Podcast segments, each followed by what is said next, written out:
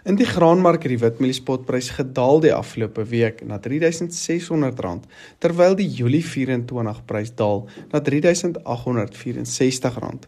Die geelmieliespotprys daal na R3616 terwyl die Julie 24 prys daal na R3830. Die sojaspotprys bly egter op sy hoër vlakke en verhandel op R9635 met die Mei 24 prys hoër op R9000. Die groot nuus in die graanmark was die Profarmer kroptoer wat laasweek Vrydag klaar gemaak het in Amerika en baie interessante syfers uitgebring het. Sojabone en mielieopbrengste is afwaarts aangepas weens die hittegolwe wat ons nou oor die afgelope 2 tot 3 weke gesien het en het dit veral nou groot positiewe uitwerking op sojaboonpryse wat se voorraadvlakke reeds onder druk was. Dit help bietjie mielie en koringpryse al is die direkte effek nie so groot op daardie markte nie. Daar is egter maar steeds bekommernis oor vraag vanaf China wat oor die algemeen minder verbruik.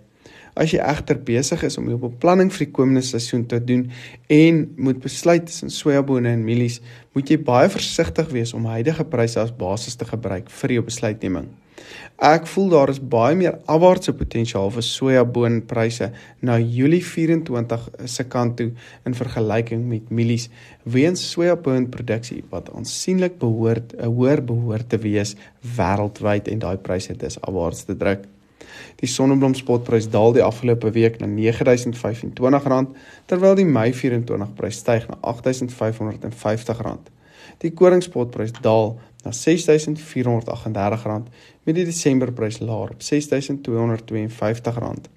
Ek voel daar is wel nog afwaartse potensiaal vir koring tot Desember met pryse wat moontlik nader aan die R6000 merk kan verhandel. Die sorghum invoerpariteitsprys daal na R5591 terwyl uitgedopte Argentynse grondbone gedaal het na R33535 per ton.